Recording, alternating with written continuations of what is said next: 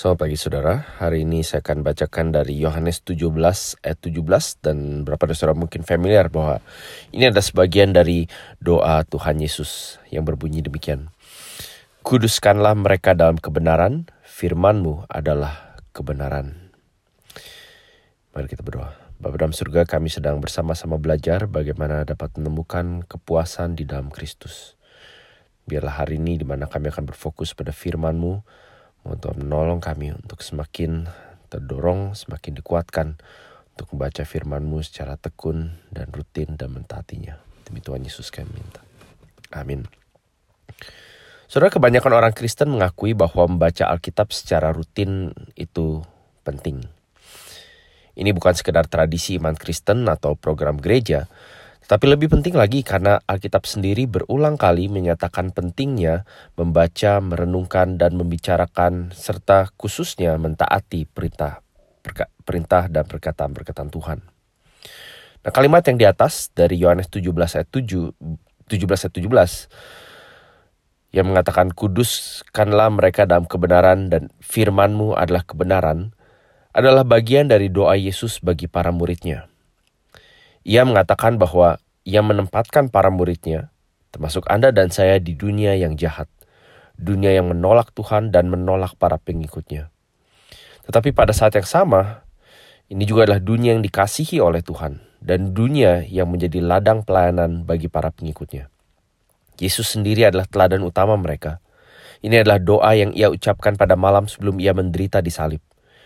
Dan salah satu permintaannya kepada Allah Bapaknya bagi para muridnya adalah agar mereka dikuduskan oleh firman Tuhan. Firman Tuhan atau Alkitab penuh dengan perkataan, ajaran, kisah demi kisah yang bertujuan untuk membuat kita semakin mengenal dan mengasihi Tuhan Allah. Penulis Eric Raymond mengatakan, Alkitablah yang memelihara dan menopang hidup kita sebagai orang-orang percaya. Alkitab bersikap sebagai larutan yang sehari-hari menggosok, menyucikan, membersihkan kita, yang membasuh bersih jamur dan lumut dosa yang terkumpul melalui hidup kita sehari-hari. Alkitab, seperti, seperti kata Yesus, menyucikan, mengkuduskan kita dalam kebenaran. Nah saudara betul sekedar membaca Alkitab saja tidak menjamin hidup seorang berubah. Di zaman Yesus ada sejumlah orang yang disebut sebagai para ahli Alkitab orang-orang Farisi yang bukan saja membaca tetapi menghaf menghafalkan ratusan bahkan ribuan ayat firman Tuhan. Tetapi tragisnya kebanyakan dari mereka justru malah menolak Yesus dan para pengikutnya. Nah, saudara hari ini pun kita bisa menjadi orang Kristen dengan mental ahli Taurat atau orang Farisi. Kita mungkin baca Alkitab secara rutin, kita mungkin menghafal, mendengar khotbah, familiar dengan cerita-cerita Alkitab, tetapi sikap hidup kita sehari-hari prioritas hidup kita, cara kita berespon terhadap orang lain dan bagaimana kita kita berhadapan dengan tabiat dosa kita lebih menunjukkan bahwa kita menolak Yesus perkataan-perkataannya dan gerejanya. Nah, bagaimana kita bisa membaca Alkitab sedemikian rupa sehingga kita dapat menemukan kepuasan di dalam Kristus? Atau bagaimana kita bisa menyantap dan menikmati firman? Nah, berikut ini ada beberapa panduan praktis yang Anda dapat aplikasikan dalam baca Alkitab. Yang pertama, Anda perlu rencana atau plan. Bagian mana yang Anda mau baca? Nah, di gereja kami ada semacam jadwal bacaan yang bisa diikuti dan saya yakin Anda di gereja Anda juga mungkin ada atau Anda bisa men mencarinya di internet jadwal bacaan yang cocok dengan jadwal dan kesibukan Anda. Lalu yang berikutnya yang kedua, sebelum membaca saya uh, menyarankan untuk agar Anda memastikan memahami isi bagian Alkitab yang Anda akan baca. Maksudnya gini. Misalnya Anda sedang membaca Yohanes atau 1 Korintus atau Wahyu atau Nabi Yeskiel misalnya. Anda bisa mencari seri yang disebut Bible Project di YouTube. Yang Anda dapat lakukan adalah Anda mengetikkan Bible Project Gospel of John atau Bible Project Injil Yohanes dan Anda bisa mendengarkan atau menonton ini dalam versi bahasa Inggris atau bahasa Indonesia. Di setiap video Anda akan mendapatkan gambaran besar tentang setiap buku Alkitab yang sedang Anda baca. Panjangnya tidak tidak terlalu panjang, hanya sekitar 10 sampai 15 menit untuk setiap video. Nah ini membantu Anda untuk memastikan supaya Anda tidak hilang arah dan tahu apa tujuan utama mengapa buku tersebut ditulis. Yang ketiga, Anda bisa mencari cara alternatif lain selain membaca. Anda bisa mendengarkan audio Bible, entah melalui podcast atau melalui YouTube. Anda bisa membaca bersama dengan orang lain. Anda juga bisa membaca dalam bahasa lain yang mungkin lebih familiar. Kalau Anda lebih familiar dengan bahasa Inggris atau bahasa lain yang uh, lebih cocok dengan Anda, Anda bisa membaca dalam bahasa itu.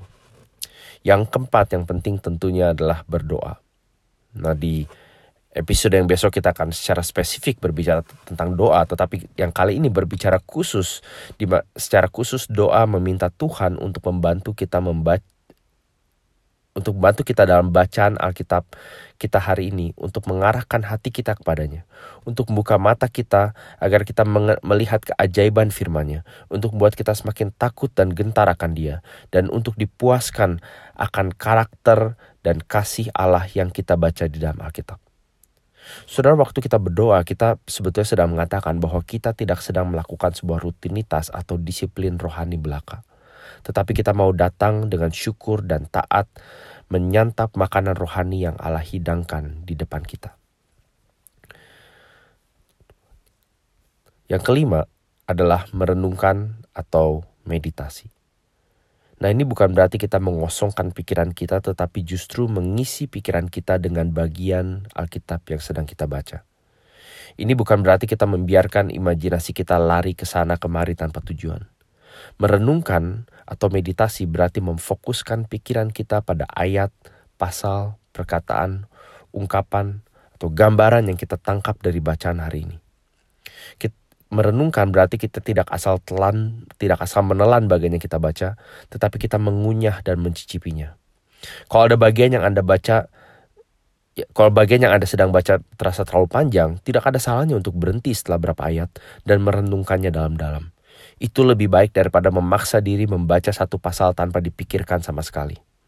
Anda mungkin bisa membagi bacaan hari itu ke dua porsi, misalnya pagi lalu dilanjutkan malamnya, atau pagi dan siang dan seterusnya. Yang lain lagi Anda bisa membaca dengan suara.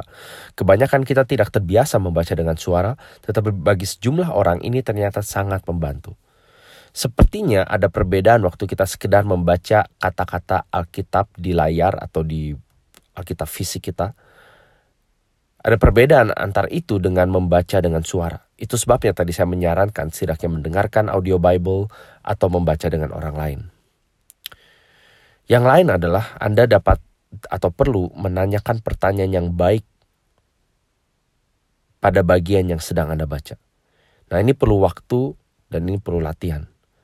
Seringkali pertanyaan-pertanyaan kita tidak membantu kita dalam memahami Alkitab lebih dalam lagi. beberapa contoh pertanyaan yang baik misalnya, apa sih yang dimaksudkan oleh si penulis? Apa yang mau ia sampaikan kepada pembaca utamanya? Lalu, mengapa ia berbicara atau menulis seperti itu? Atau apa yang bagian ini ajarkan kepadaku tentang Allah dan karakternya? Atau pertanyaan lagi, lain lagi adalah respon apa yang seharusnya aku berikan kepada Allah? Yang keenam, kita perlu mengaplikasikan secara spesifik ke dalam hidup kita. Apakah ada aspek karakter Allah yang selama ini Anda lupakan? Apakah ada ada area atau isu dalam hidup Anda yang perlu dirubah? Apakah ada cara bicara Anda yang menyakitkan, sombong, atau manipulatif? Apakah ada relasi yang perlu Anda benahi? Apakah ada dosa yang Anda perlu tinggalkan dan hindari? Yang ketujuh, Tanyakan dan pikirkan bagaimana bagian yang Anda baca dapat membuat Anda semakin puas dan cukup di dalam Yesus. Kalau misalnya bagian yang kita baca hari ini mendorong kita untuk bertekun di dalam iman, kita perlu ingat bahwa Yesus adalah teladan pendahulu kita yang sudah bertekun di dalam iman demi keselamatan kita. Kita bertekun dan bekerja keras bukan untuk mendapatkan kasihnya, tetapi justru karena kita sudah dan selalu dikasih oleh dia. Dan yang terakhir saudara, simpan dan gunakan. Nah, Anda dapat menghafal bagian yang Anda baca, menulis di kartu, menjadikannya wallpaper di smartphone atau tablet atau laptop atau komputer Anda. Tetapi tujuan utamanya adalah untuk mengingat, mengulang, mengaplikasikan firman Tuhan sepanjang hari dan sepanjang hidup Anda. Anda dapat mendoakannya, Anda dapat memikirkannya ulang, Anda dapat membicarakannya dengan orang lain atau membagikan kebenarannya dengan orang lain. Ada begitu banyak cara yang Anda dapat lakukan untuk menyimpan dan menggunakan. Nah, saudara tentu ada banyak sarana lain yang belum kita bicarakan di sini seperti mendengarkan khotbah, ikut ikut dalam kelompok kecil, membaca Alkitab bersama dengan orang lain dan lain seterusnya. Tetapi mari kita mulai hari ini membenahi disiplin dan rutinitas membaca Alkitab kita secara pribadi dan sebagai keluarga. Mari kita berdoa. Bapak sungguh firmanmu adalah kebenaran dan firman yang kau berikan untuk mengkuduskan, menyucikan, dan mengarahkan hati dan pikiran kami. Bapak di hari perhentian ini di mana engkau mengkhususkannya untuk kami menyanyikan, merenungkan, dan mendengarkan firman-Mu. Bila hati dan pikiran kami boleh terfokus dan terarah pada firman Tuhan yang akan kami dengarkan dan santap hari ini secara kolektif secara sebagai gereja. Kami berdoa bagi gereja-gereja di berbagai tempat yang sampai hari ini masih melakukan ibadah mereka secara online, setidaknya kebanyakan. Kami berdoa kiranya Engkau berkati para pemimpin, para pelayan, dan berdoa kiranya Tuhan berkenan memakai ibadah demi ibadah ini menjadi sarana untuk memberi asupan makan rohani bagi jemaat Tuhan di berbagai tempat. Kami mohon ya Bapak kiranya sambil sambil kami melalui masa-masa pandemi ini atau bagi beberapa dari kami yang sudah mulai diberi kesempatan untuk boleh berkumpul secara uh, pu publik apa pun situasi kami kiranya waktu kami kembali bertemu sebagai gereja atau melakukan aktivitas kami. Gereja-gereja Tuhan boleh kedapatan semakin kuat semakin teguh semakin kokoh bukan saja dalam dalam membaca dan mengerti dan mengaplikasikan firman, tetapi juga untuk membagikannya, menghidupinya, memberi dampak pada orang-orang sekitar kami dan masyarakat kami. Terima kasih Bapak demi nama Tuhan Yesus kami berdoa. Amin.